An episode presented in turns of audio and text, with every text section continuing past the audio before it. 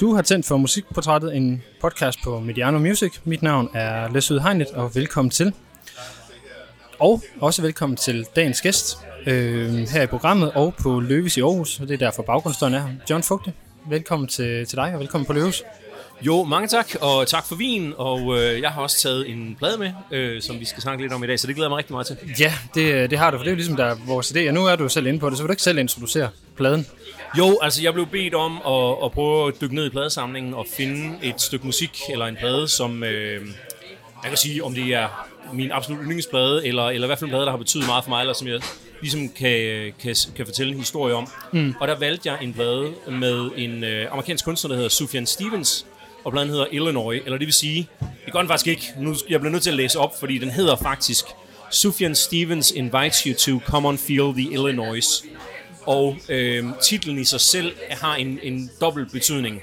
Fordi de fleste kalder den Illinois, fordi den handler om den amerikanske stat Illinois. Ja. Men det er samtidig også et ordspil på den gamle Slade-sang Come on Feel the Noise, som der sikkert også er mange, der kender. Og øh, albummet er, er den anden plade, han har lavet om en amerikansk stat. Den første hed Michigan, kom i, jeg tror det var 2003, og Illinois-pladen kom i 2005. Og det var så meningen, at der skulle være øh, 50. yderligere 48 Ja. øh, hvad hedder det, plader, der handlede om, om amerikanske stater.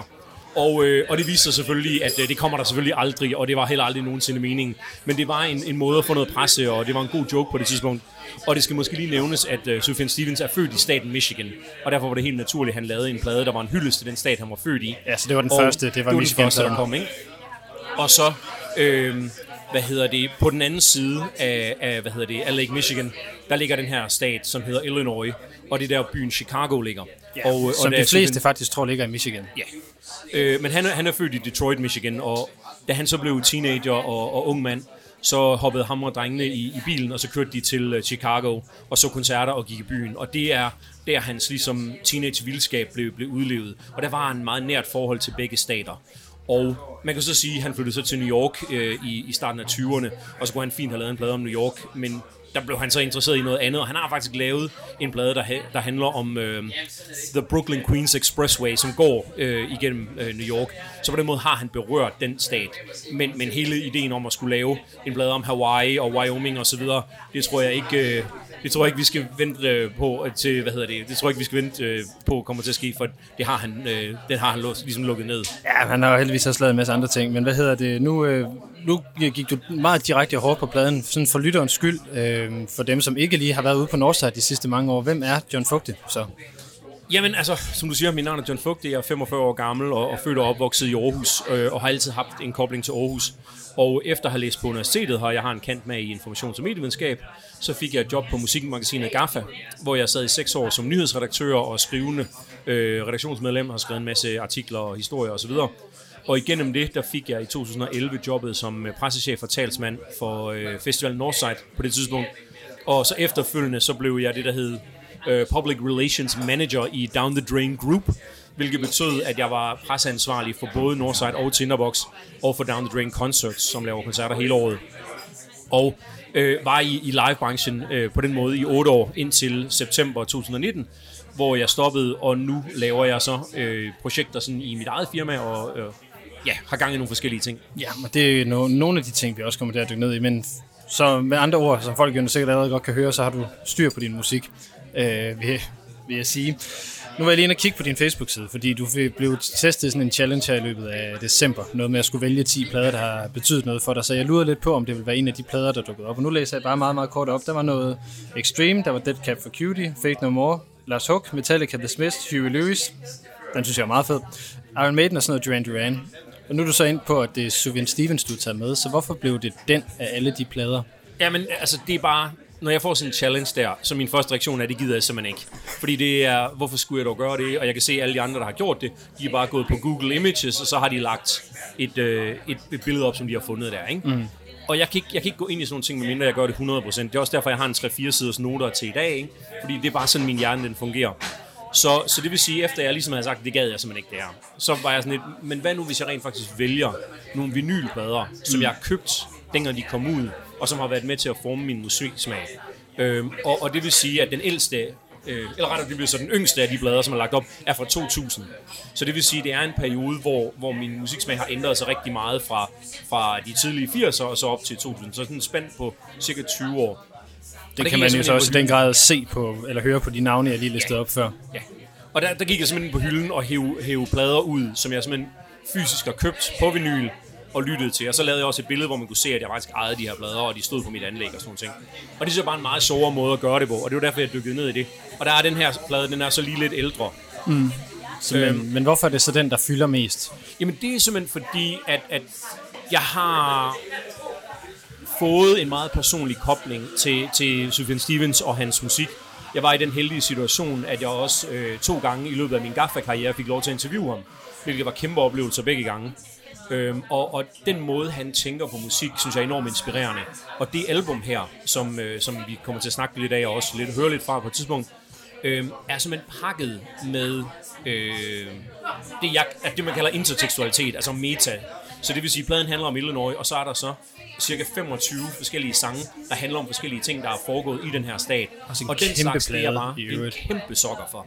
Altså alle de her referencer, hvor man skal have fat i Wikipedia og finde ud af, hvem er den her person, og hvad sker der her, og sådan og sådan og sådan. Og det med konceptalbums generelt, det er noget, jeg får enormt meget ud af. Hvis folk har givet at sætte sig ned og fortælle en samlet historie hen over 10-25 sange, det synes jeg er fænomenalt. For, for mange år siden, der kom der et album, der hedder 69 Love Songs, hvor øh, en fyr, der kalder sig The Magnetic Fields, besluttede sig for at skrive 69 kærlighedssange og udgive dem på en tredobbelt CD.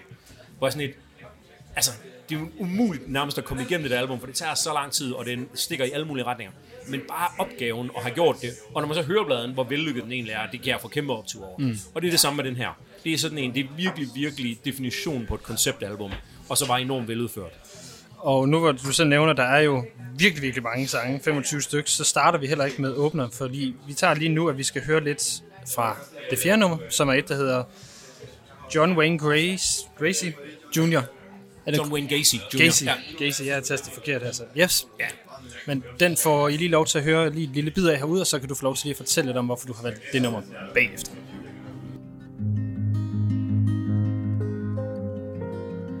His father was a drinker, and his mother cried in bed. Folding John Wayne's t shirts when the swing set hit his head. The neighbors, they adored him for his humor and his conversation. Look underneath the house there, find the few living things riding fast in their sleep. Oh, the dead. 27 people, even more. They were boys with their cars, summer jobs. Oh my god.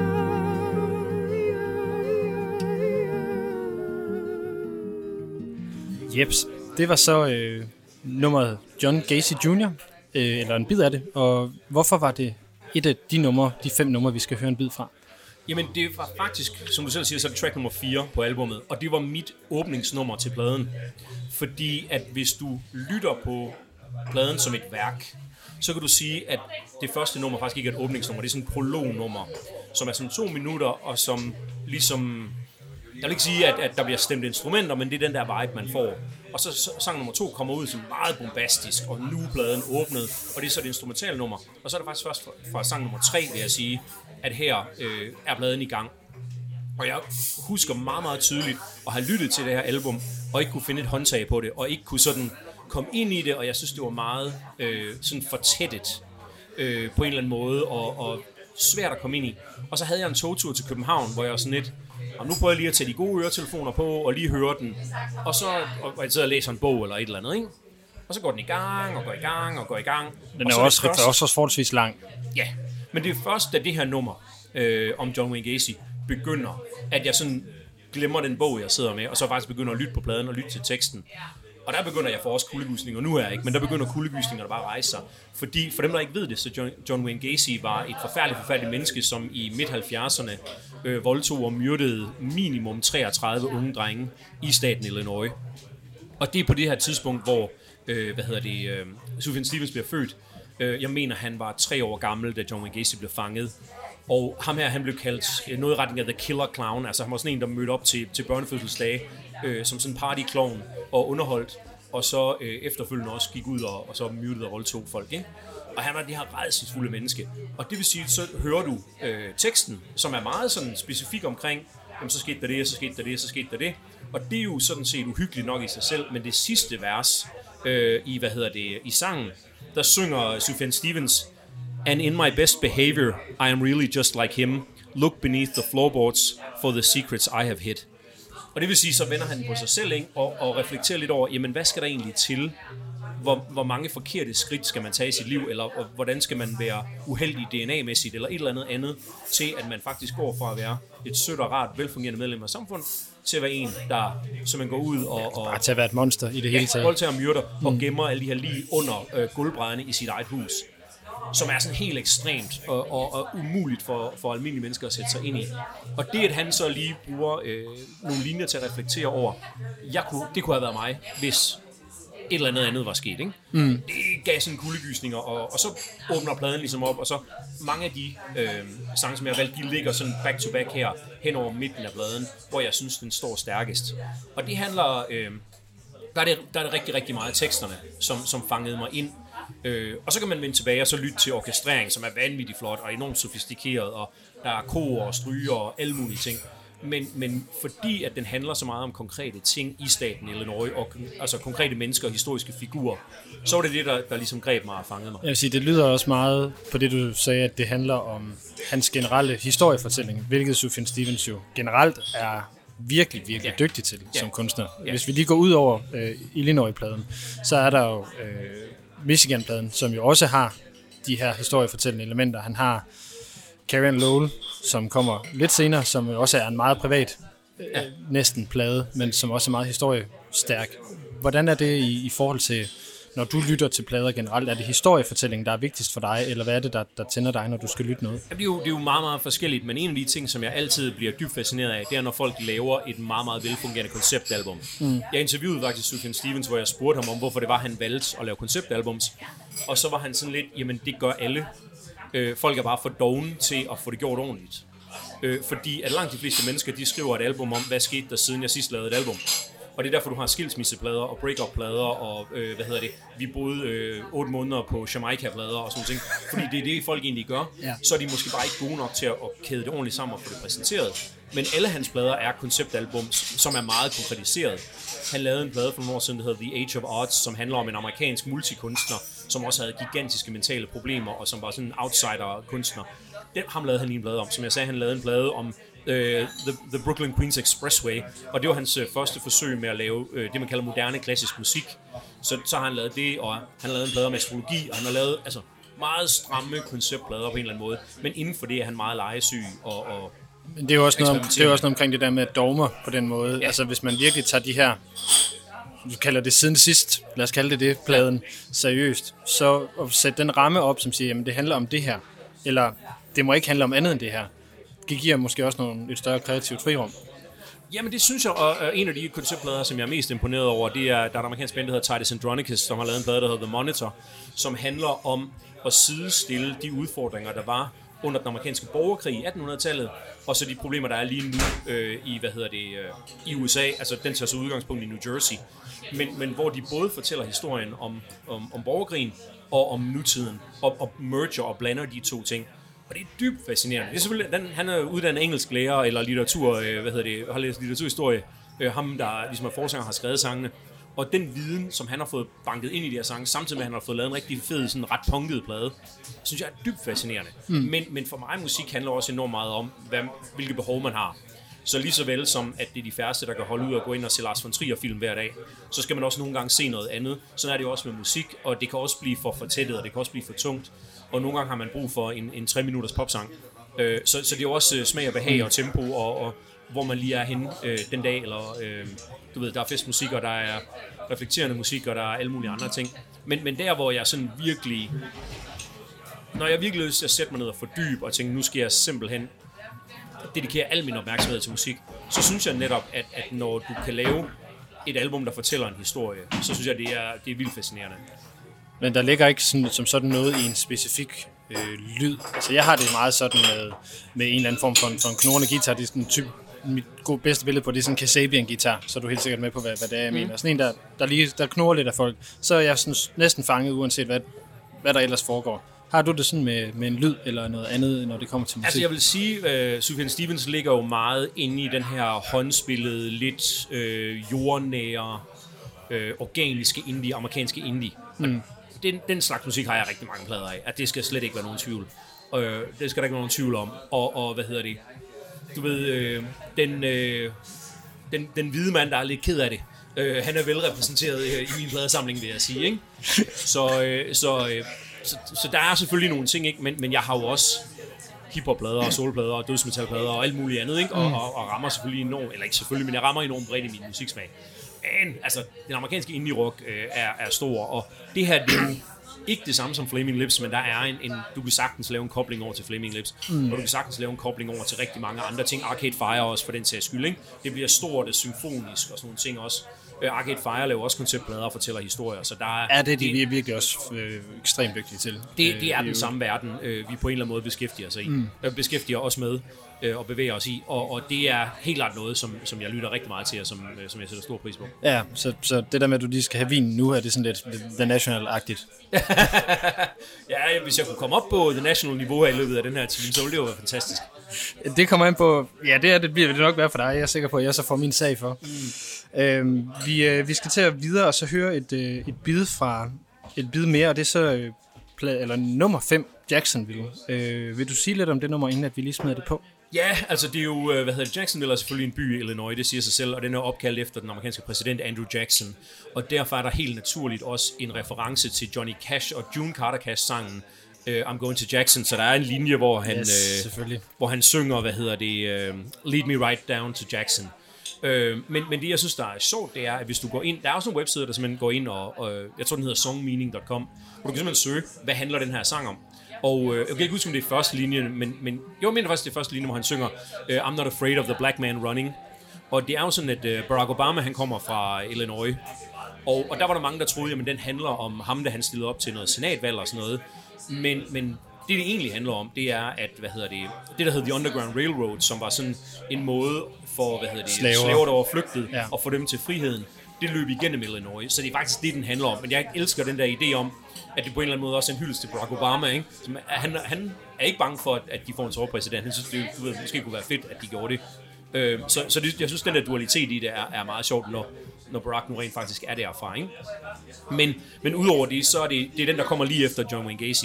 Og det vil sige, da, da jeg var ligesom var hooked på det nummer, og så røg jeg over i det her Jackson, Jacksonville-nummer, så er jeg bare, ja, det er jo tydeligvis en plade, lavet direkte til mig, det er helt fantastisk. Med, med historiske referencer Johnny Cash-referencer, og så den der guitar, som jeg ja, så, den er fantastisk. Det, det, det der lille guitar-tema, det er noget af det fedeste. Så, øh, så det, det er et stort nummer for mig. Godt, det får I lige lov til at høre en, øh, en lille bid af her så.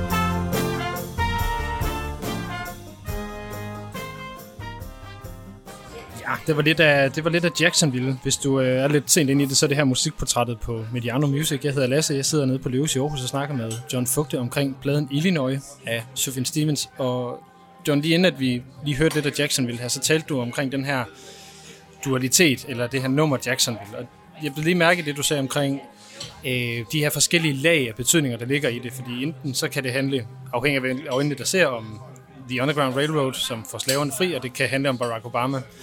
Er det ikke også noget af det, der, der, der virkelig virker på sådan en plade her, hvor der er så meget meta, at det jo handler om øjnene, der ser, så du i virkeligheden kan fortælle din egen historie? Omkring den også? og, og hvad hedder det, det er jo de færreste, der sidder med, øh, med Lademands leksikon, mens de hører blader, og der vil være virkelig brug for at slå op her, fordi hvem er de her mennesker, der bliver snakket om? Hvad er de her byer? Hvad er deres betydning? Øh, og nogle gange, når der bliver name-droppet et eller andet, så er det jo ikke deres betydning i dag, så er det deres betydning i 1858 eller et eller andet andet, ikke? Så man skal være virkelig velbevandret. Men der er det bare den her kombination af, hvor fint orkestreret den her er. Og så har vi overhovedet ikke snakket om det endnu, og det er en kæmpe, kæmpe fejl. Men der er jo ikke ret mange mennesker i verden, der synger bedre end Sufjan Stevens. Altså han synger som en goddamn engel, altså det er jo helt vildt. Og udover det, så er han også et vanvittigt smukt menneske. Han er virkelig, virkelig pæn. Og han har optrådt simpelthen med englevinger til sine koncerter. Og det er næsten ikke til at være. Altså han er, det, det er helt fænomenalt. Øhm, og er det første ikke gang jeg også, så ham er det ikke også live- lidt for meget?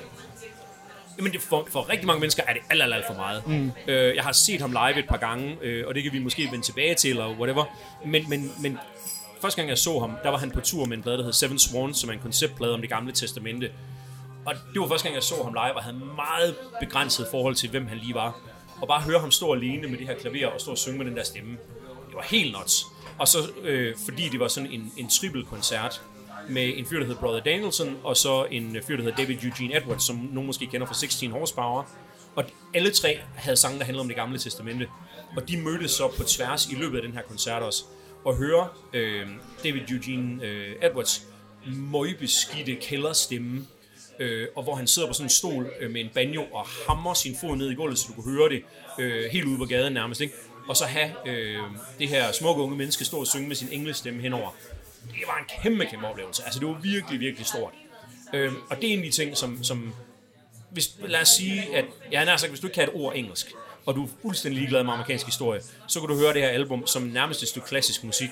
Og, og Altså Illinois-pladen. Illinois-pladen, ja. Ja. ja. Og være dybt forundret over, hvor smuk en plade det er. Mm. Og det er også derfor, vi snakkede før om det her med fordybelse og sidde og lytte og så videre. Du kan sagtens have den kørende i baggrunden, og så lige stikke hovedet op en gang med sådan, ah, det er helt pænt, og ah, det er smukt, og ej, det er godt, og her er et tema og sådan noget. Fordi den på den måde også ikke er invasiv. Altså, du skal selv aktivt dykke ned i den, og det er også derfor, den er svær at komme ind i. Det var derfor, det tog mig lang tid at blive venner med den.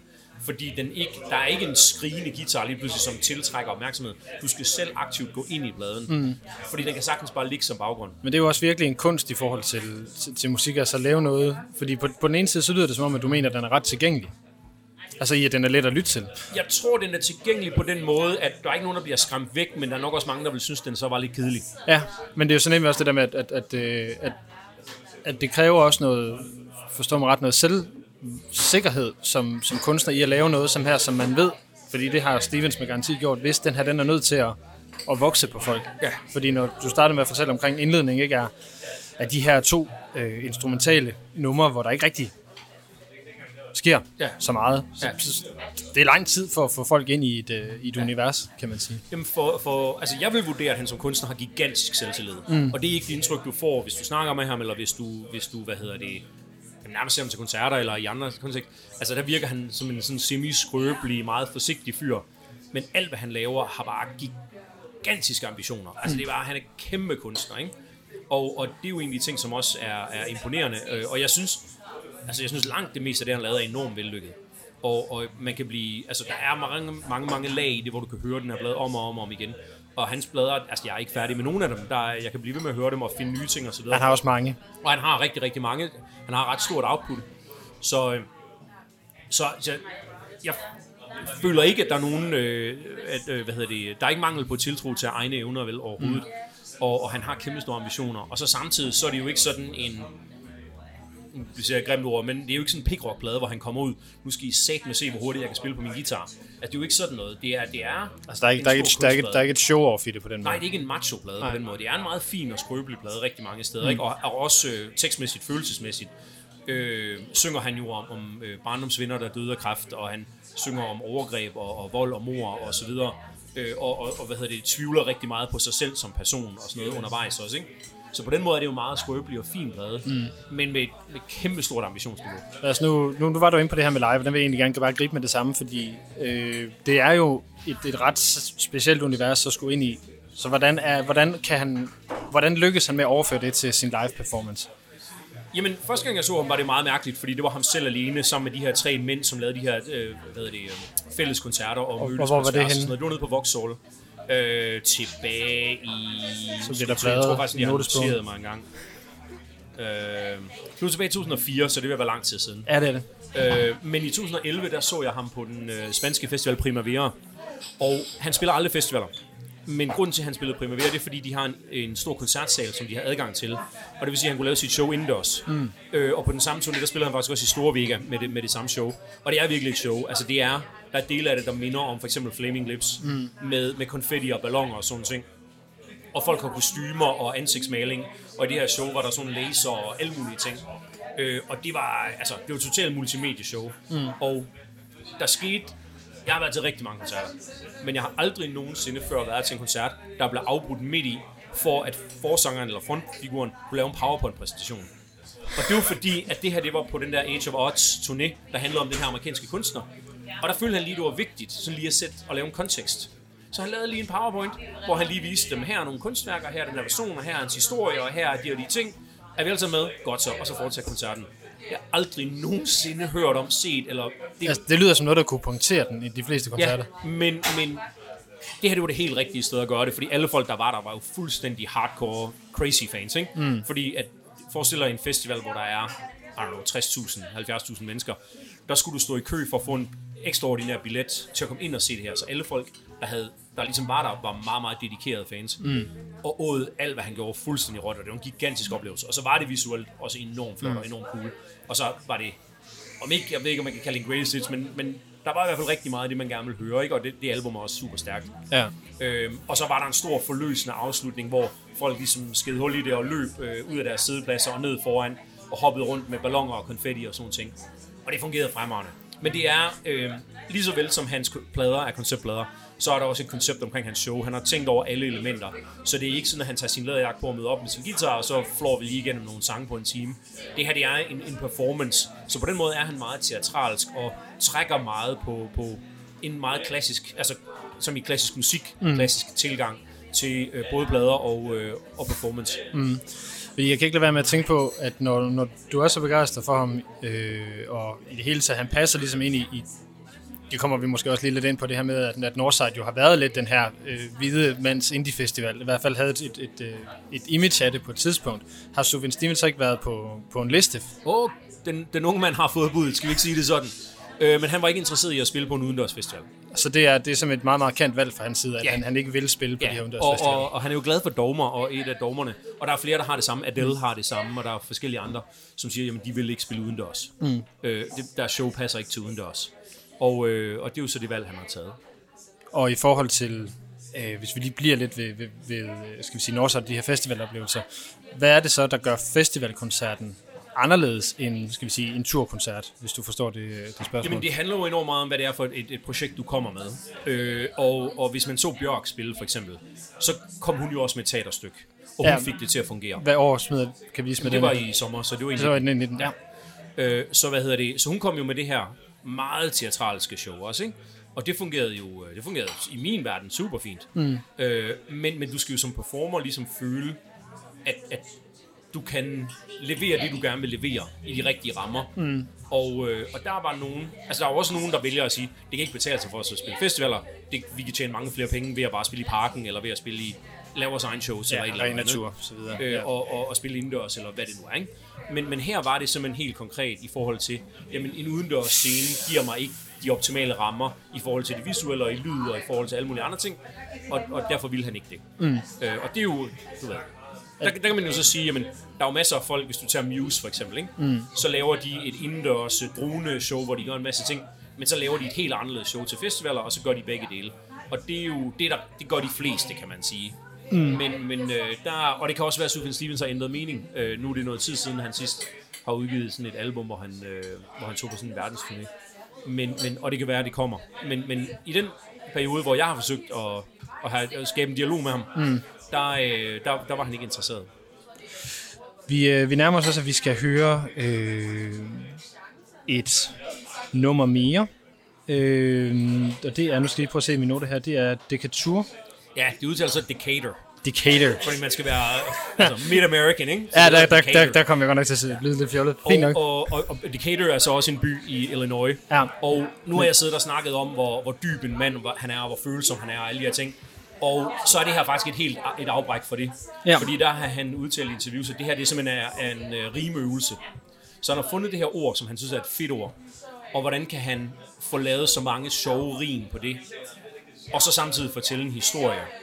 Øh, og det gør det også, at det her det er sådan lidt mere et morsomt afbræk i en til tider tung, lidt tung tekstmæssig plade. Så er det her et mere humoristisk element. Øh, men det er samtidig også et af de steder, hvor en af mine favoritlinjer kommer, hvor han synger, øh, hvad hedder det, øh, skal jeg se, om jeg kan finde det her i mine noter. Øh, han synger, øh, Stephen A. Douglas was a great debater, but Abraham Lincoln was a great emancipator. Og det hele rimer på Decatur. Mm. Og, øh, og hvis man ikke lige har en... Øh, hvis man ikke lige har studeret øh, Amerikansk midt historie. 1800-tals øh, amerikansk historie, så var øh, Stephen øh, A. Douglas, han var den siddende øh, senator i Illinois på det her tidspunkt, og Abraham Lincoln var sådan den, den opkoming, der forsøgte at blive det. Øh, og Douglas var demokrat, og hvad hedder det, Lincoln var republikaner. Og de gik så øh, til valg mod hinanden øh, hen over syv debatter, hvor der findes blandt andet nogle øh, berømte billeder, hvor de simpelthen står på bagperronen af en togvogn og debatterer. Og det, hvad hedder det, øh, hvad hedder sådan noget, det retoriske niveau på de her taler var så højt, at man stadigvæk den dag i dag bruger det i, hvad hedder det, både i historieundervisning, men faktisk også på, på law schools, altså til jura i USA, fordi den måde, deres retorik var på, var, var helt fænomenal. Og hvad hedder det, øh, Douglas, selvom han var demokrat, var faktisk pro-slaver, altså øh, at man måtte have slaver, og øh, Abraham Lincoln famously var øh, selvfølgelig imod. Mm. Og det er også derfor, at man siger, at Douglas was a great debater, men Abraham Lincoln blev så senere præsident, og var den, Så der- kommer The Emancipation og så er Proclamation. han, præcis, ikke? så han var the great emancipator. Mm. Og det er bare sådan et eksempel på, at du har en, et, et historisk faktum, som passer ind i den her historie, men i bund og grund, så er det bare nogle sjove rim mm. på Decatur. Og det der niveau, øh, synes, altså, af, af, sangskrivning, øh, kan jeg blive fuldstændig fascineret. Så det der med at få det ind, altså få, få, få det ind Ja. i, i noget så simpelt som Decatur. i noget, der skal være en, en sjov lille sang, hvor man skal prøve at rime så skørt som muligt, ikke? Mm. så får du faktisk sagt nogle ret vigtige ting her. Mm. Øh, og det synes jeg, det synes jeg er fortrinligt arbejde. Godt, men så får vi lige lov til at høre en bid af Decatur her. Sound of the engines and the smell of the grain. We go riding on the abolition grain train. Stephen A. Douglas was a great debater, but Abraham Lincoln was the great emancipator.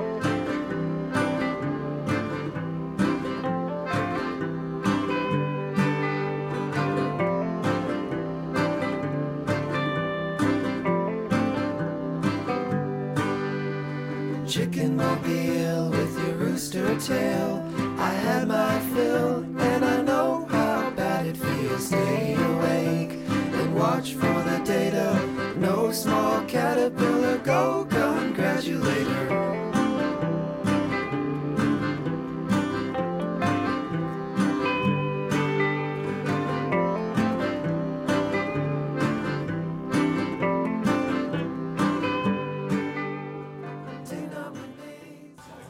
Godt. Øh, det var så lidt af Decatur. Og øh, hvis vi lige prøver at hoppe videre til, til noget helt andet, fordi at jeg er ret overbevist om, at du er en LP-mand. Når Jamen, det kommer, er jeg sådan set også. Når det kommer til, til stykket. Ja. Altså, hvis du har købt LP'er helt op til, til start nullerne, så må du have holdt godt ved, tænker jeg.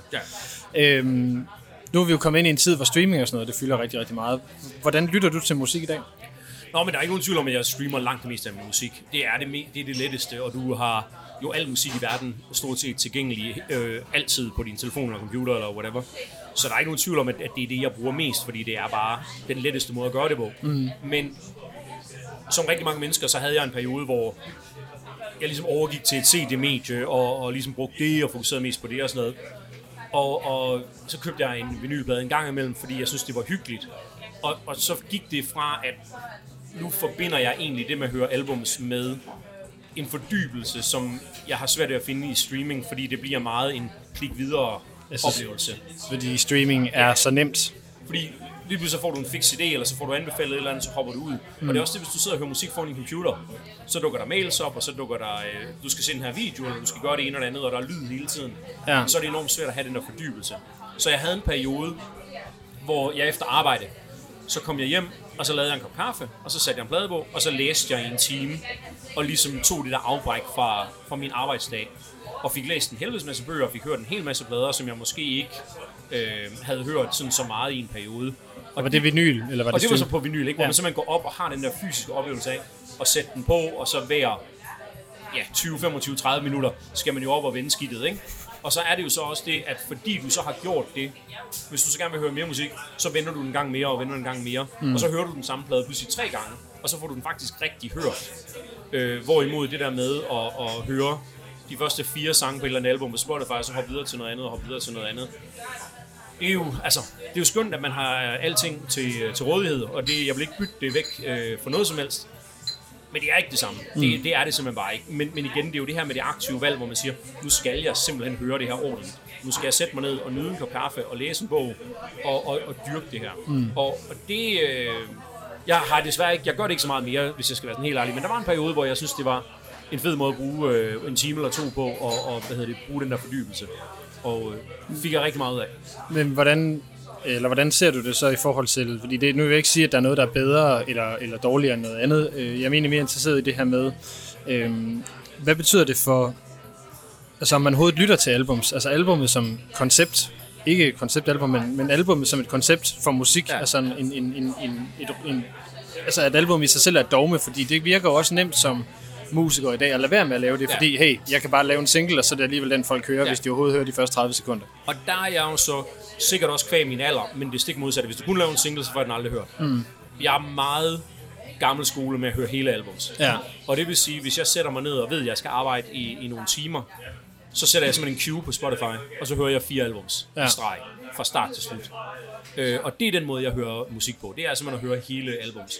Jeg kan godt få sådan lidt semi-stress af at skulle høre en sang her, og en EP her, og hoppe rundt, og det ene og det andet, ikke? Ja. Øh, Så sådan en, altså, nu, det vil, nu virker du ikke ligesom typen på Eva Max, men Eva Max, som jo er en, en stor popkunst, men har tre singler, eller sådan noget af den Ja. stil. Hende kommer du nok ikke til at dykke ned i, forestiller Nej, mig, og af det var. Jeg, synes, det var en kæmpe udfordring i forhold til, når vi skulle finde musik til festivalerne. Mm. Altså lige pludselig så, så læser man om, jamen det hotte nye navn er sådan og sådan. Og så er man sådan lidt, når man, øh, hvad hedder det, er der kommet en? Nå, men det er der ikke. Hvor er musikken? Inde på SoundCloud, så skal man tage derind og finde det. Og sådan, hvornår kommer der et album? Der kommer faktisk aldrig et album. Og sådan, okay, men hvad fanden er der foregår så?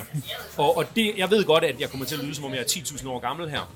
Men det er nogle gange sådan, som jeg forbruger musik, og sådan, som jeg forholder mig til det. At skulle lave det der radikale skift, og sådan skulle prøve at finde Altså han er snart gå ind og høre, altså høre singlen på en Instagram story, og så kunne vurdere ud fra det, om man skal booke et band eller ej. Det, Men også hvis der kun er singler, så tænker jeg også, at i sådan en festival øje med, så er det vel ikke nok, at, at book, nok til at booke et band. det er det nogle gange, fordi der er jo, der er jo, altså, der er jo masser af bands, som laver, øh, lad os sige en EP, og så booker man dem. Øh, og, og, eller udgiver en to-tre singler, og hvis de er, bliver spillet i radioen, eller hvis man kan se, at de har en milliard views på YouTube eller eller andet, så er det rigeligt fint. Det er bare den måde, som jeg ligesom er vokset op med musik på, det er jo det der med, at man kommunikerer omkring en, et album, ikke? Mm. Og det er også derfor, at, at jeg ligesom er så forankret i den her idolisering af, her er et goddamn konceptalbum, hvor han har tænkt samtlige sange igennem. Mm. Og der er en grund til, at det her det er sang nummer 1, og nummer 2 og nummer 3, og ting hænger sammen osv. Det er også der, hvor hvis du hører, altså et af, nu er jeg ikke en hiphop-fyr overhovedet, men, men et af de vildeste albums, der nogensinde er lavet, og min favorit hiphop rap plade nogensinde er Paul's Boutique med Beastie Boys, hvor øh, hele side A hænger sammen som et nummer, hele side B hænger sammen som et nummer. Og det er det vildeste konceptalbum. Øh, og og de, de folk, der lavede det, var dem, der lavede Odelay med Beck efterfølgende også, som også er et fremragende album. Mm. Og det er jo netop sådan nogen, hvor jo, der er nogle fede singler på her og der, men, men de fungerer jo bedre som et koncept, som en, som en helhed, hvor du får, øh, du ved, peaks and valleys, som man siger, altså op og ned, og, og hvor med, med singler, jamen der er det jo bare power, power, power hele vejen igennem. Og der synes jeg, at der mangler noget, Altså, altså, det der er det- mangle noget dybde, altså, Altså, når ligesom, det skal party så- bangers hele tiden. Så ligesom hvis du skriver den her tekst, øh, så, så har du også brug for de der ligegyldige stykker i, en- i en artikel eksempelvis, hvor du lige sådan får lov til at ikke hvile øjnene, men lige hvile hovedet i forhold til, men det her det er faktisk ikke så væsentligt. Det, den her del kan jeg godt skippe. Præcis, Øh, og der, er- der er jo en, en, dramaturgisk struktur også. Øh, at hvis du ser på en film, ikke, så er det jo ikke bare, og så skal sige, måske er Fast and Furious nogle af dem, der bare kører hardcore på hele tiden, ikke? men der skal også være de der pauser, hvor de to mennesker, der står og snakker og får en kop kaffe, så, så man lige kan trække vejret, så man kan komme videre. Men, men det er jo sådan generelt, fordi hvis, hvis vi nu skal ind i, i, i film, fordi det, har- jeg har en fornemmelse at du faktisk også har ved noget om det, umiddelbart. Jeg ser mange film. Ja, men det der med, at, at, at jeg har et indtryk af, at mange af de film, der bliver lavet i dag, har en meget hurtigere klipning, end mange af de film, vi tager tidligere. Hvis man nu tager sådan en som Godfather eksempelvis, hvis man Ja. til at se den i dag, hold kæft, den går langsomt. Det Ja, går ja. Once Upon a Time in America også. Og hvis du sætter dig til at se The Dark Knight, altså så er det jo snap, snap, snap Ja, ja, ja. Fra, fra scene til scene. Du får ikke ro på samme måde. Nej, nej, og der er jo, der er masser af instruktører, som har arbejdet med det. Altså jeg kan huske, da, hvad hedder det, øh, den første Charlie's Angels film kom ud, og det var en eller anden gut, nu kan jeg ikke huske, hvad han hedder, men han havde sådan noget... Jamen, han er sådan forfærdelig. McG hedder han, gud døde med.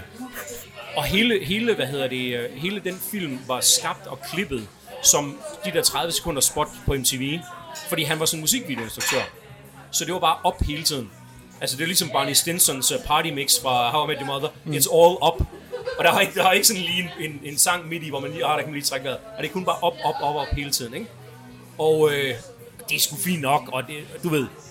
Men, men hvis man nu, nu bliver jeg lige lidt snobbet, men hvis man nu brug for et, lidt, et sådan, lidt intellektuel stimulering, så må der sgu også gerne være, godt være lidt down en gang. Der må mm. godt være nogle pauser, hvor man lige reflekterer lidt og, og holder du ved, forvilede ørerne og øjnene, og, og få noget backstory, og, og høre, hvem er de her mennesker, når de ikke kører bil, eller når de ikke skyder hinanden. Hvem er de så? Altså, mm. og, og, det er også derfor, mine yndlingsfilm er folk, altså det er film, hvor de sidder og snakker hele tiden. Mm. Altså min yndlingsfilm er Reservoir Dogs med Quentin Tarantino, hvor den store action scene er klippet ud, ikke? Altså, du ser jo aldrig røveriet. Mm. Og jeg har set og det ved jeg godt, man ikke skal sige det her dage, men jeg har sgu set stort set alle Woody Allens film. Mm. Og jeg synes, at specielt hans gamle 70'er film er fantastiske. For det er bare en masse mennesker, som går og snakker hele tiden. Mm. Øh, og det er den type film, som jeg dyrker mest, og som jeg også kan holde ud og se igen og igen og igen. Fordi der er så meget fed dialog. Mm. Øh, og det, det er sådan noget, jeg leder efter. Så Chubanga er fint nok og sådan noget, men, men det, er ikke, det er ikke der, hvor jeg sådan bliver stimuleret mest. Men det, det passer så sjovt nok også ind i din albumsmag her. Ja. Så hvis vi, nu får vi jo kun fem af de her 25 numre, i hvert fald bider af dem. Så hvis Ja. du nu skal pege på nogle af de her, øh, skal vi sige, stille og rolige pauser på Illinois-pladen, hvor ligger de så henne? Altså, du har nævnt, ind, du har nævnt indledningen i Ja, virkeligheden. men de ligger, de ligger jo med, med, med løs hånd, sådan fordeling, og specielt vil jeg sige afslutningen er sådan en, hvor man ligesom bliver, bliver kørt ud af pladen i god ro og orden. Øh, og det, øh, og på den måde, der, den har sådan en teatralsk følelse. Det er ligesom, at du går ind og sætter dig, og så får du, du ved, tryllefløjten, eller, eller hvad det nu måtte være, ikke? Med, med, en, øh, med en åbning, og så altså som jeg kalder en prolog, ikke? og så et åbningsnummer, sådan brav, når nu er vi i gang, og så bliver der fortalt en historie, og så er der en kulmination på et tidspunkt, og så kører det sådan stille og roligt ud. Ikke? Mm. Øhm, så, øh, så jeg skulle til at sige, jeg ville ønske, at jeg kunne nævne nogle af titlerne, men problemet er, at de har alle sammen 27 ord i, Ja. så det er svært for mig at huske dem. Men der er mange af dem, og, og nogle af dem varer omkring en minut, og nogle varer måske to minutter eller sådan noget. Men der er mange af de her mellemspil. Ja, fordi det, det seneste nummer, vi hørte, det hed uh, De, Decatur. Decatur. Ja, godt, så kommer jeg ikke til at lyde dum igen. Men hvad hedder det? Det, var, det hed- hedder jo ikke kun Decatur. Det har også Nej. en frygtelig lang titel. Det har de, har de alle sammen. Skal lige så se, om nu er det min tur til at rode i noterne. Så jeg tror, jeg har skrevet det ned. Decatur around the applause for your stepmother. Ja. Så hvor, hvor, hvorfor har han brug for at lave de her spil? Jamen det er jo fordi, at hele ideen med, med pladen er at fortælle en historie. Ja. Og, og hvis du laver øh, en sang, hvor øh, du ikke får fortalt den historie, du gerne vil fortælle i teksten, fordi du gerne vil fortælle to historier samtidig, så kan du fortælle den ene historie i titlen, og så kan du fortælle den anden historie i teksten. Øh, og det, det ser man øh, altså forskellige steder, ikke? At, at øh, der er også nogle af sangene, der hedder et eller andet, et eller andet, et eller andet, or et eller andet, et eller andet, or et eller andet, et eller andet, ikke? Og så får han puttet en hel masse anekdoter ind der, øh, og så behøver han ikke at synge dem i, i sangen bagefter, fordi så er, der, så er de ligesom dækket af. Og det er jo det, der er genialt ved, ved det her album, det er, det er jo smækfyldt af referencer. Altså nu tog jeg, nu er det desværre ikke en videopodcast der, men jeg tog albumet med. Ja, Og vi, vi tager lige her- et billede, inden du smutter. Det bliver vi hvis, hvis du kigger her på, på coveret, ikke, så står der en mand i jakkesæt med en cigar, og der står en ged. Altså, jeg vil gætte på, det er Al Capone. Det er nemlig Al Capone fra Chicago, ikke? Men det der, det er, jeg mener, den hedder Billy the Goat. Ja, og det på geden i venstre en hjørne, ja. absurd historie om en mand, der havde taget sin ged med på øh, baseballstadion, og så øh, fik at vide, at geden stank for meget, og at han skulle pakke sin gode ged sammen og skride. Og så, så på vej ud, så siger han så, I kommer aldrig til at vinde en kamp igen. Og det er så uh, The Billy Curse for uh, Chicago White Sox, som gjorde, at de i 76 år ikke uh, vandt en playoff-kamp. Og det er jo bare... Den, den skal selvfølgelig have en plads. Selvfølgelig skal den det. Øhm, og hvad- coveret findes faktisk i fire forskellige versioner. Ja, for det er noget med, at det, nu en, overtager lidt, fordi det, det ligner Chicago, sådan Ja. skyline, der er der. Ja. Så er der nogle ballonger, der flyver, der er nogle UFO'er ude i venstre side, og de der fire versioner, du taler om, det er noget med, at der er en engel, der er der. Det, er, det mener jeg, der er, men der er i hvert fald en, hvor Superman er på. Ja, det er rigtigt. Og, og hvad hedder det, øh, historien er, at øh, Metropolis, øh, som Superman lever i, er, er baseret på Chicago. Men der findes faktisk en by i Illinois, der hedder Metropolis. Så den, og den by har efter sigende også taget hele Superman-tingen til sig, og ligesom jeg ved ikke, om der er et museum, men det er i hvert fald, de har brugt det i sådan i deres turistkampagne osv. osv. Ja. Så Superman skal selvfølgelig også have. Og det er jo igen også, du spurgte om, hvorfor, hvorfor han lavede de her titler. Jamen han kan jo så heller ikke engang holde sig til et bladcover. Han bliver nødt til at lave fire bladcovers for at fortælle alle sine historier. Ja. Og det er jo, altså, det er jo en mand, der har meget på hjerte, kan man sige. Og det synes jeg er dybt fascinerende. Ja, men kan det ikke også blive for meget? Det er jo en smagsag, ikke? Mm. Altså, øh, jeg, jeg kan ikke få nok af det. Jeg synes, det er fænomenalt, og jeg har også, altså, kæmpe stor kærlighed til, til ham og det her, til det her projekt. Men jo, det kan da godt være masser af mennesker, som så siger, god damn it, hvor det udmattende. Og det er jo igen også det der med, hvis du hellere gerne vil høre en EP med 3-4 sange, og så videre til det næste, så er det, så er det uoverskueligt at, at skulle altså tage et album, som nu kan jeg ikke huske, hvad den var, men det var sikkert 70 minutter plus, ikke? Ja. Og skulle høre 25 sange. Altså, Det er også lidt virkelig ligesom- langt for en plade, faktisk. Ja, ja. det er lidt ligesom, hvis jeg siger til dig, har du nogensinde set Breaking Bad, og du ikke har set et eneste afsnit, og sådan lidt, du skal bare i gang, og så sådan, okay, så jeg skal se samtlige sæsoner, og så skal jeg se Better Call Saul bagefter. Jeg, jeg, jeg, magter jeg, bare jeg, slet jeg, jeg, kunne- jeg kunne ikke holde ud at se Breaking Bad. Jeg havde ham, mens han skoen for meget. Det kunne jeg Okay. simpelthen ikke holde ud. Men, men, men hvis, du nu var, hvis du nu var sådan en, der gerne ville det, Ja. så er der øh, en tv-serie og en tv-serie mere og en film. Det er rigtig, rigtig mange timer, som du på forhånd ved, at du skal investere i et projekt. Mm. Og det kan bare være udmattende, selvom Breaking Bad er en af verdens bedste tv-serier. Så, Om første sæson var udmærket. og det er bare et objektivt faktum, så hvad hedder det, øh, så, så kan jeg sagtens se, hvordan man, hvordan man som en, der er sådan lidt skeptisk, tænker, ved du hvad, så vil jeg hellere hoppe på noget, som, hvor der er en sæson eller en sæson, der er i gang, og så går vi i gang med det. Og sådan. Men også noget, som er... Nu talte vi også lidt om tilgængelighed tidligere. Også noget, som er mere tilgængeligt. Ja, men det var bare det der... Altså, der er ikke tre minutter nemt popnummer her, Nej, eksempelvis. nej, og der er sgu ikke nogen hits på. Det er der altså ikke. Det er også ret imponerende at tale om en plade med 25 numre uden hits Ja. i virkeligheden. Nå, øh, vi skal lige prøve at hoppe videre, fordi vi skal til det fjerde nummer. Ja, nu kommer her- hittet. Sjovt nok. Og- Men det er jo så også øh, Chicago, som det hedder. Ja. Ja. Hvad er det for et nummer? Ja, og det igen, nu tager jeg altså lige øh, min, øh, min, hvad hedder det, øh, Ja, så vi har slet ikke talt om bagcoveret. Den de hedder. Go, udråbstegn, Chicago, udråbstegn, Go, udråbstegn, Yeah, udråbstegn. Så der, der er fart på. Det er den store sang, det her, ikke? Ja. Og det er også den til hans shows, som han ofte spiller til allersidst, som er øh, det store forløsende element, hvor der bliver danset, og der er ballonger og sådan ting. Og det er... Øh, jeg vil ikke sige, at det er hans mest personlige sang, fordi det vil, det vil sige noget forkert om nogle af de andre sange. Men det er den sang, der handler mest konkret om ham selv. Altså hans egne oplevelser med Chicago. Hans eget ungdomsliv. Ja. Og det er netop det der med øh, at, at være en, en ung øh, person, der ikke ved, hvem, hvem han er, at være en ung, usikker person, og så til ind til Chicago og have det liv. Og i sangen, der nævner han faktisk også, at han tager til New York og, og får sit liv der. Og den handler meget om ham selv og kun ham selv, hvor mange af de andre handler om, hvordan nogle forskellige ting påvirket ham og hans liv, og han fortæller en historie om venner eller familie, men, og så er der rigtig mange, der har det her historiske perspektiv, hvor det overhovedet ikke handler om ham selv. Men den her, det, det er den unge Sufjan Stevens, der tager ud i verdenssangen. Øh, og derfor, og den bliver jo så også, synes jeg, enormt livsbekræftende og levende undervejs, selvom det handler om en usikker ung mand. Og derfor er den også øh, en, en kæmpe fan-favorite og, og et, et perfekt afslutningsnummer til koncerterne. Så der, den får I lige lov at høre en bid af her.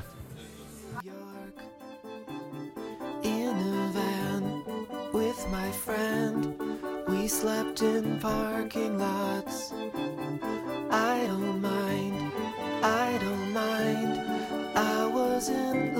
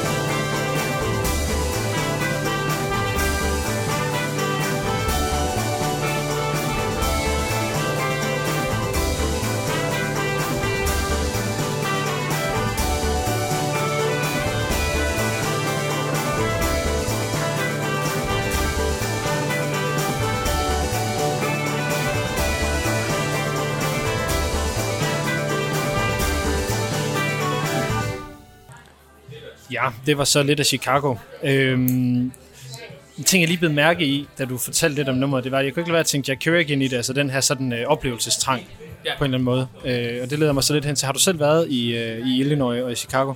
Øh, ja, det har jeg faktisk. Før øh, eller efter du hørte pladen? Nej, jeg, var, jeg har kun været en gang, og det var tilbage i 1996. Så før pladen Ja. kom. Så det, det er mange år siden, og det kom så egentlig af, at da jeg flyttede hjemmefra, så flyttede jeg ind i et hus, hvor for forskellige, folk, øh, forskellige mennesker lejede værelser. Og en af dem, som, øh, som boede der, øh, var en fyr, der hed Jeff, som kom fra en lille by, der hedder Libertyville i Illinois. Og, øh, og da han flyttede tilbage til USA på et tidspunkt, så tog jeg over og besøgte ham, øh, og hang ud med ham i, øh, i Chicago. Så, så jeg har været der en enkelt gang, øh, og øh, byen er jo kendt som The Windy City, og den ligger ned til den her Lake Michigan, og mm. har jo så de her Sears Towers, som også selvfølgelig også bliver nævnt i, i, på pladen og så videre. Jeg mener faktisk ikke, det hedder Sears Towers længere, fordi Sears er jo en butikskæde, eller... Ja, de har lignende. fået et andet sponsoreret navn Jeg til har fået vist et andet sponsornavn, ikke? men ja. for mig er det Sears Towers. Det tror jeg, det er for de fleste. Ja. Men Og øh, så, så det er sådan... Mit, mit, mit billede af, af, Chicago og Illinois kommer fra en to-tre dage, jeg havde der sammen med øh, min kammerat, som så introducerede mig nogle andre folk, og vi hang ud og gik i byen og så videre. ja, Men, men det er sådan mit, mit forhold til det. ja, altså kan du genkende noget af den der sådan, fornemmelse fra uh, Go Chicago Go Yay nummer, eller hvad, han, hvad det nu hedder? Øhm, altså, jeg har... Det her er det ikke nu. Det var ikke en historie, jeg lige havde regnet med, at jeg skulle fortælle. Men vi havde været øh, ude i forstederne til barbecue hos en af Jeffs venner. Og så tog vi ind til byen og spillede pool. Og så skulle vi tilbage til vores hotel. Og jeg skal være helt ærlig at sige, jeg var ikke 100% ædru på det her tidspunkt. Og der er også gået nogle år, så, så historien er måske blevet bedre med tiden. Men som jeg husker det i dag, Ja, så på vej hjem... 24 år efter. Ja. Så ender vi i en eller anden form for optog af transvestitter, som vælter rundt i gaderne. Og vi står sådan måbende og føler os, som om vi er med i en Fellini-film. Øh, og jeg var kun... Jamen, jeg har været 21 på det her tidspunkt, ikke? Og bare sådan, hvad i alverden er der foregår? Og da vi vågnede den næste dag, der var vi i tvivl om, hvorvidt at det var noget, vi havde drømt, eller, eller, eller hvad det var, der var foregået. Så jeg har helt klart et billede af Chicago som en ret vild by. Øh, fuldstændig. Og vi fik set, som jeg siger, både forstederne og museerne og øh, alle turistattraktioner og sådan noget. Mm. Men var også ude og drikke øl og spille pool og, og, og var en del af sådan lidt, lidt natteliv også og sådan noget. Ikke? Ja, Øhm, men, men rigtig meget af det, som, som han skriver om her, er enten, øh, du ved, 1800-tallet eller, eller forstederne, hvor, hvor hvad hedder det, han er vokset op med sin familie. ja. Så, så den del kan jeg jo selvfølgelig ikke genkende. Nej, men øh, det, er jo- det er mere det der med, som du sikkert også ved, ikke? når man har været et sted, og så hører nogen, som har lavet kunst om det, og hvad enten det er øh, film, eller om det er i det her, som i det her tilfælde musik, så altså det der med, at man selv har lidt ejerskab over det. Fordi du, du, du plaster det op på nogle ting, man selv har set og sådan noget. Ikke? Altså, Ja. Har det gjort øh, pladen øh, nemmere for dig at komme ind på, eller fordi du kan sådan... Jamen, det, er ikke, det er ikke konkret i forhold til Chicago, Illinois, men det er mere igennem min generelle interesse for amerikansk historie og hvad hedder det, amerikansk kultur generelt. Ikke? Ja. Øh, og, og rigtig mange af de ting, hvor han nævner forskellige ting, så er jeg sådan, er der, hvad er kobling til Illinois? Og så viser det sig, at det er der heller ikke på den samme måde. For eksempel på et tidspunkt, så nævner han øh, en, der hedder Helen Keller, som Ja. ja. var sådan en, en døvstum kvinde i USA, som gjorde rigtig meget for... Så i øvrigt sådan et popkulturelt fænomen at bruge Helen Ja. Keller som referencepunkt. Øh, og, og hun er sådan en, der har gjort rigtig meget for, for hvad hedder det, øh, ja, for, for handicappedes øh, rettigheder og muligheder. Øh, og hun har ikke en skid med Illinois at gøre, men der ligger en stor skole for, for, for hvad hedder det, øh, for, døve, for døvstumme mennesker. Og den ligger så i Illinois, så det er det, der ligesom er kobling. Og derfor, fordi det er sådan en, en, et, et samlingspunkt, kan man sige, øh, for den del af amerikansk kultur, så har det også en betydning for byen, men hun, selvom hun ikke har nogen direkte kobling dertil. Ja. Øh, og igen også, øh, Andrew Jackson, præsidenten, er ikke fra Illinois, men der er en by opkaldt efter ham. Øh, og sådan er det med, med mange af de her folk. Ikke? Så det vil sige, hvis man har, som jeg synes, jeg har, en, en bred forståelse for amerikansk kultur og, og politik og historie osv., så er der rigtig mange ting, man kan dykke ned i her. Og så nogle gange så finder man ud af, Nå, men det er så fordi, du ved, Abraham Lincoln er ikke fra Illinois, men han flyttede der til som 21-årig og stillede op til senatvalg og blev præsident. Så okay, så det er sådan den måde, det hænger sammen på. Der, der kan man bare se. Ja. Øh, og og det, det taber rigtig meget ind i, i sådan mine personlige interesser. Ja. Øhm, der er lige et par ting, jeg sådan lige vil, vil ind i, fordi nu er vi i den, den sidste del af, Ja. af snakken her. Og den ene, det er... Øh, nu stoppede du ved Northside, eller Down the Drain Group her i 2019, og nu er du så endt øh, som projektleder på Music City Aarhus. Ja, Ja, kan du for- fortælle lidt om, hvad, hvad det handler om? Jamen, den, i den korte version, så har jeg siddet med i en overrække i et netværk, som vi kalder Music City Aarhus. Og øh, i den periode har vi snakket om, jamen, hvordan kan vi samle byen bedre, hvordan kan vi øh, bruge de kompetencer, der er i byen inden for musik, på en bedre måde, og hvordan kan vi være bedre som branche til at fortælle vores historier, sådan så folk får øjnene op for, hvor meget der egentlig sker på musiksiden i Aarhus. Og øh, det sådan- efter, efter jeg så stoppede i, øh, på festivalen, eller i festivalbranchen, så, øh, så havde jeg en periode, hvor jeg sådan skulle finde ud af, hvad, hvad, jeg sådan, hvad skulle det næste skridt være. Øh, og der gik jeg så tilbage til det her netværk og begyndte at snakke om, jamen er det ikke nu, skal vi ikke bruge det her vindue til at sige, nu går vi all in, og så prøver vi at lave en forening, som arbejder med et, et mål om at få lavet dedikeret musikår i Aarhus. Og det handler så en om, pendant at til øh, kulturhovedstaden. det er i høj grad inspireret af, af hvad hedder det, Kulturby 2017-projektet, som jo er et, øh, et, et EU-projekt, kan man sige. Men, men vi synes, det vil have en enorm styrke, hvis man tog en masse af de øh, positive erfaringer, der blev gjort øh, i løbet af det år, i optakten specielt til det år, og så lavede sit eget projekt uafhængig af EU og støtte osv. osv. Men bare selv sat det i søen ved at samle musikbranchen og sige, nu tager vi alt det her netværk, som er blevet skabt, og al den her erhvervsinteresse, og helt ærligt den her borgerinteresse. Altså, der er ekstremt meget opbakning til nye projekter i Aarhus i en grad, som jeg aldrig nogensinde har oplevet før i hele mit liv. Og så tabe ind i det og så sige, nu løber vi med den her. Og så blev vi enige om, at det skulle vi gøre, øh, og så satte vi os ned og kiggede på, jamen, hvordan skal man gøre det her, og så fik jeg øh, hvad hedder det, fat i Ars og spurgte, om de ville være vært på en generalforsamling. Det ville de meget gerne, de ville gerne bakke op om projektet. Og så inviterede vi simpelthen til en stiftende generalforsamling her 23. januar øh, 2020, hvor vi skal samle musikbranchen, have lavet en forening, og så begynde at arbejde for at få lavet et sekretariat, som skal lave et musikår. Og i den forbindelse, efter det ligesom blev meldt ud, har der været en overvældende øh, opbakning, både i forhold til generalforsamlingen og i forhold til ideen, og folk, der gerne vil være med på sidelinjen og se, hvad kan vi gøre. Og nu er der sågar også politisk opbakning, og der har også været en hel del redaktionel journalistisk opbakning, hvor folk gerne vil skrive om det og fortælle om det. Så det er jo det, er det jeg sidder med lige nu, det er på at samle vores branche omkring et projekt, som, som vi forhåbentlig kan få skudt af i, øh, i 2022, mm. hvor vi så skal øh, løfte historien. Øh, Ja, fordi det er jo, jeg, jeg fornemmer også lidt, at der ligger lidt af den her Aarhus, øh, skal vi sige, tidligere placering som, som sådan centrum for dansk musik, der er fra 80'erne, som man gerne vil prøve at, at, Og det er at i høj grad også den der 80'er fortælling, som vi gerne vil gøre lidt op med. Ja, fordi Øh, den er virkelig også blevet stereotyp efterhånden. Ja. Og, og du ved ikke et ondt ord om, øh, om nogle af de folk, som, som var store dengang, og mange af dem er jo stadigvæk store, og mange af dem har påvirket musikbranchen enormt positivt i rigtig mange år. Men der er bare sket rigtig meget siden 80'erne. Mm. Så vi vil gøre rigtig meget for at fortælle både historien om, hvad der er sket i 90'erne, og i 0'erne og i, i 10'erne, men i høj grad også pege fremad og så sige, jamen, hvad er det Aarhus skal kunne mm. i det her nye årti? Øh, og, og hvad er det, altså, som, som vi som musikbranche ved, vi allerede kan, men som vi ikke synes, der er nok mennesker, der har fået øjnene op for. Ja. Øh, og, og det vil sige, at ja, vi har kaldt det, øh, eller vi har sagt, at vi vil skabe en ny fortælling. Og det handler simpelthen om at, at lave en, en Aarhus efter 80'erne historie, for at sige, jamen, der er sket alle de her andre ting, og det gør, at vi nu er et sted i dag, hvor vi for eksempel har Northside, mm. hvilket vi ikke havde i 80'erne. Øh, og vi, havde, og vi har også en sportfestival, som vi ikke havde i 80'erne. Mm. Og så videre, så videre, så videre. Og så sker der jo en masse nye ting, altså... Øh, nu skal, det ikke, nu skal det ikke handle om øh, Aarhus, det hele øh, resten af podcasten. Men for eksempel er man jo i gang med lige nu at prøve at samle et, et indspillende, altså et studiemiljø, øh, hvad hedder det, på havnen i et, i et helt nyt kompleks, mm. som forhåbentlig kommer om nogle år, og prøve at lave en helt ny måde at, at lave indspillet musik, og prøve at samle øh, hvad hedder branchen dernede. Nu bliver jeg meget Aarhus intern. Er det sådan en, en øh, efterfølger, eller ikke efterfølger, men sådan en udløber af frontløberne på en eller anden måde? Nej, det er det ikke. Det, der, er, hvad hedder det, der er noget, der hedder Lydhavnen, som ja. ligger ved siden af frontløberne, og som, er, som, som jo selvfølgelig deler et, et miljø og en matrikel. Ja, fordi, men- be- beklager til lytterne, nu bliver det meget internt, eller meget Men, lokalt. men det, der hedder, det, der hedder Lydhavn, skal samles over i noget, der kommer til at hedde Lydbyen. Øh, som også samler noget, formodentlig også noget spillested og forskellige andre ting. Ja. Øh, og det er meget, meget ambitiøst og meget, meget sådan fremsynet projekt, som kommer til at passe helt perfekt ind i den historiefortælling, vi gerne vil lave om, mm. hvor ufattelig mange ting, der sker. Og det, der er vigtigt for os, det er altså at sige, at musikbranchen i Aarhus er ikke bare fire langhårede hippier, der står nede i en kælder og spiller, øh, spiller rocknummer. Det er sådan en seriøs musikbranche, mm. hvor der er management og booking og en, øh, en milliardomsætning. Vi lavede en, en opinionsundersøgelse for nogle år siden, hvor vi fik dokumenteret, at der bliver omsat for 1,8 milliarder danske kroner i musikbranchen om året.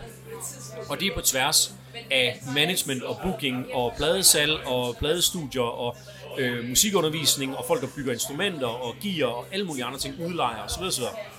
Og det er det, vi gerne vil, øh, det er den historie, vi gerne vil løfte og, og, og brede ud. Mm. Og så samtidig så er målet jo selvfølgelig også at hvis vi kan få noget mere musik ud på gader og stræder, og hvis vi kan samle folk om nogle nye arrangementer, og hvis vi kan finde noget funding for eksempel, til at lave nogle store events, så er det også enormt interessant. Ja. Men i første omgang, der handler det om at få samlet holdet, og få, øh, få ligesom få skabt en ny fortælling. Nu laver jeg lige endnu et, et, et lokalt sp- spørgsmål, men hvad var det Aarhus kun i 80'erne? Fordi der kunne AGF også godt spille fodbold dengang. Jamen, men altså, jeg så velbevandret er jeg ikke i, i hvad hedder det, om, om omstændighederne, og om det var tilfældigt eller ej. Men, men der var jo ligesom en talentmasse, og mange af dem kom jo ud fra den her famøse friskole, hvor, øh, hvad hedder det, øh, Emil Falk, McPicks far, øh, ligesom var leder, mm. og, og fik genereret en hel masse talenter ud. Og så var der også på det tidspunkt, der blev dannet et, øh, et, et bladskab, som hed Genlyd, som samlede øh, blandt andet Thomas Helmi og Knacks og forskellige andre. Øh, og Så udgav der, så, var der, så der var nogle virkelig lokale Ja, stærke og så kræfter. var der bare et, et musikmiljø omkring nogle spillesteder, for eksempel, du ved, når Knacks synger slinger ned ad Vestergade, så er det fordi spillestedet Vestergade 58 lå dernede blandt andet, ikke?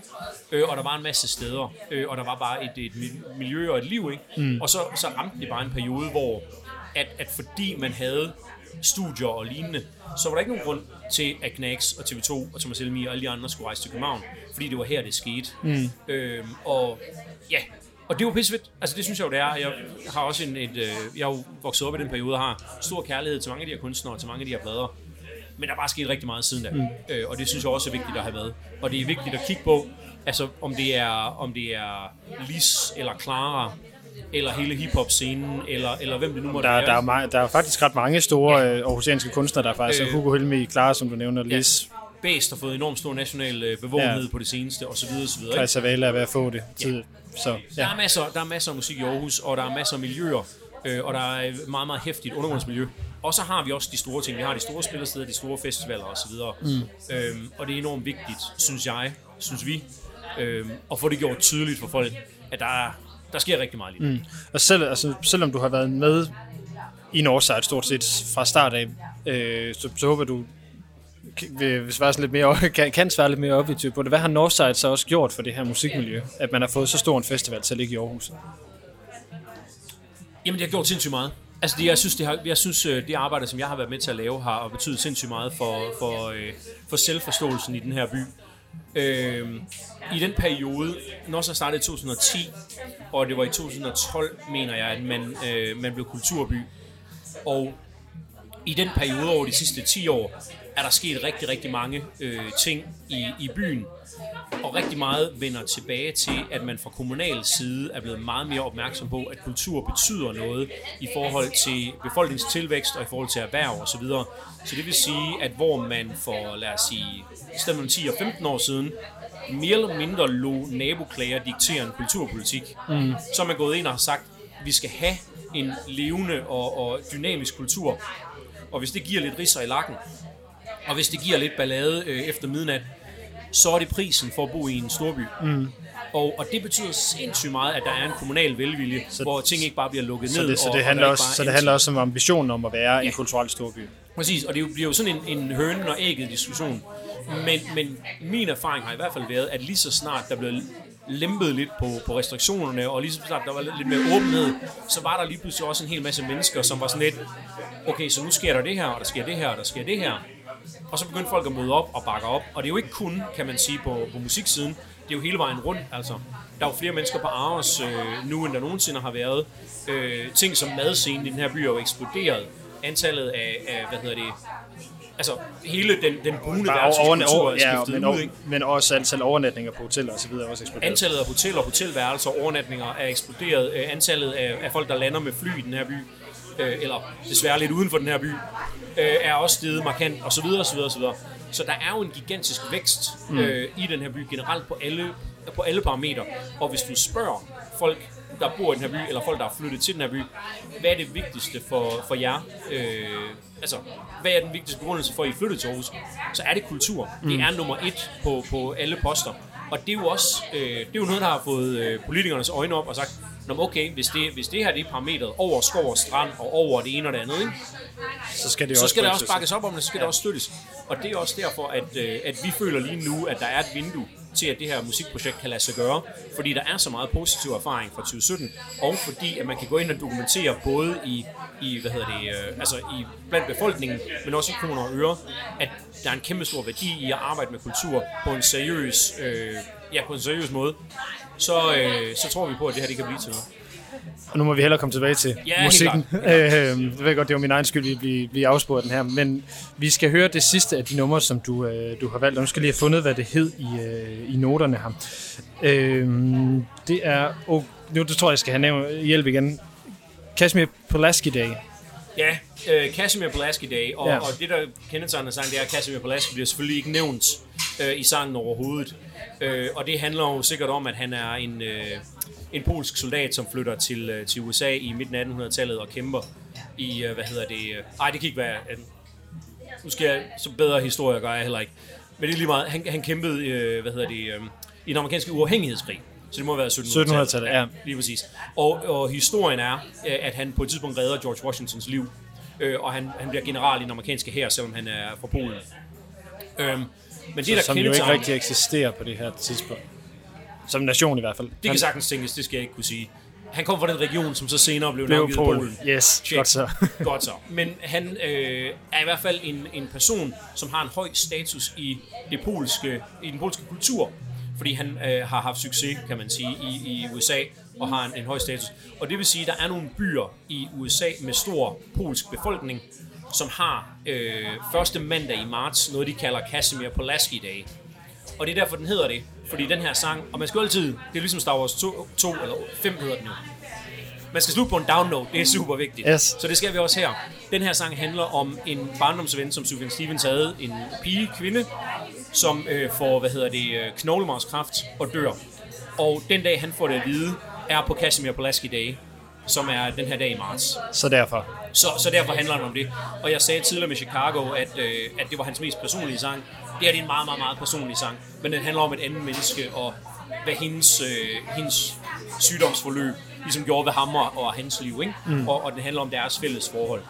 Så, så der hvor Chicago handler om ham og hans rejse, så handler det her igen om, om mere end ham selv, kan man sige. Men det gør den jo ikke mindre personlig af den grund.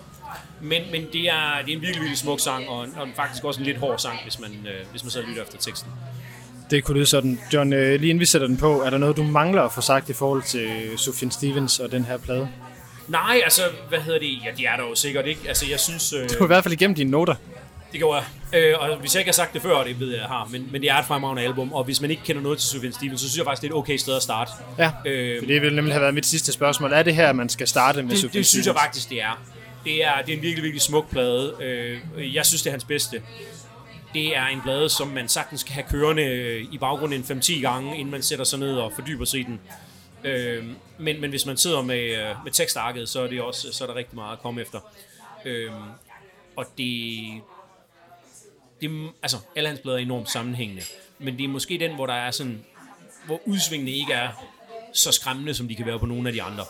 Øh, og, og så kan man jo efterfølgende, hvad hedder det, gå lidt på opdagelse og dykke lidt ned i, i de andre ting. Altså, Carrie and Lowell er også et godt sted at starte. Det er også en virkelig god plade. Jeg synes bare, Forholdsvis tilgængelig i sin lyd. den er nemlig forholdsvis tilgængelig, men også lidt en downer. Og der er der, så, der, er der sgu lidt mere sådan de store positive, glade udsving og de store instrumenteringer, hvor, hvor øh, Carrie Lowell er, er markant mere homogen, synes jeg, i, i lyd og udtryk. Mm. Hvor her er der meget, meget større udsving. Og det gør den nok mere gribende for en førstegangslytter, vil jeg sige. Mm. Øh, og så ja, hvis man, hvis man nogensinde er så heldig, at, øh, at, at han spiller i, øh, i den by, man befinder sig i, så skal man se ham. Altså, han er en fænomenal kunstner. Øh, også visuelt er der virkelig, virkelig meget at komme efter. Og så synger han bare gudsmukt. Det, det tror jeg, det er det, der er at sige. John, tusind tak, for at du har lyst til at komme forbi og fortælle om Sufjan Stevens. Og ja, vil du ikke lige læse op, hvad pladen rent faktisk hedder, så det, lad det blive de, de sidste ord heri.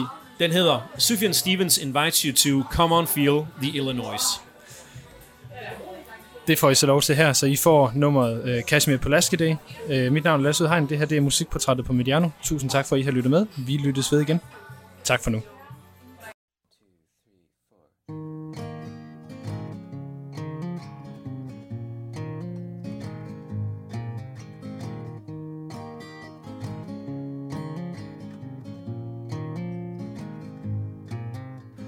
Goldenrod and the 4-H stone. The things I brought you when I found out you had cancer of the bone.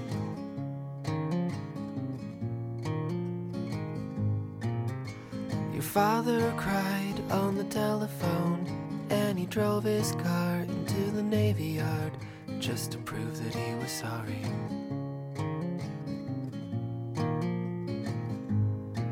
In the morning, light pressed up against your shoulder blade, I could see what you were reading.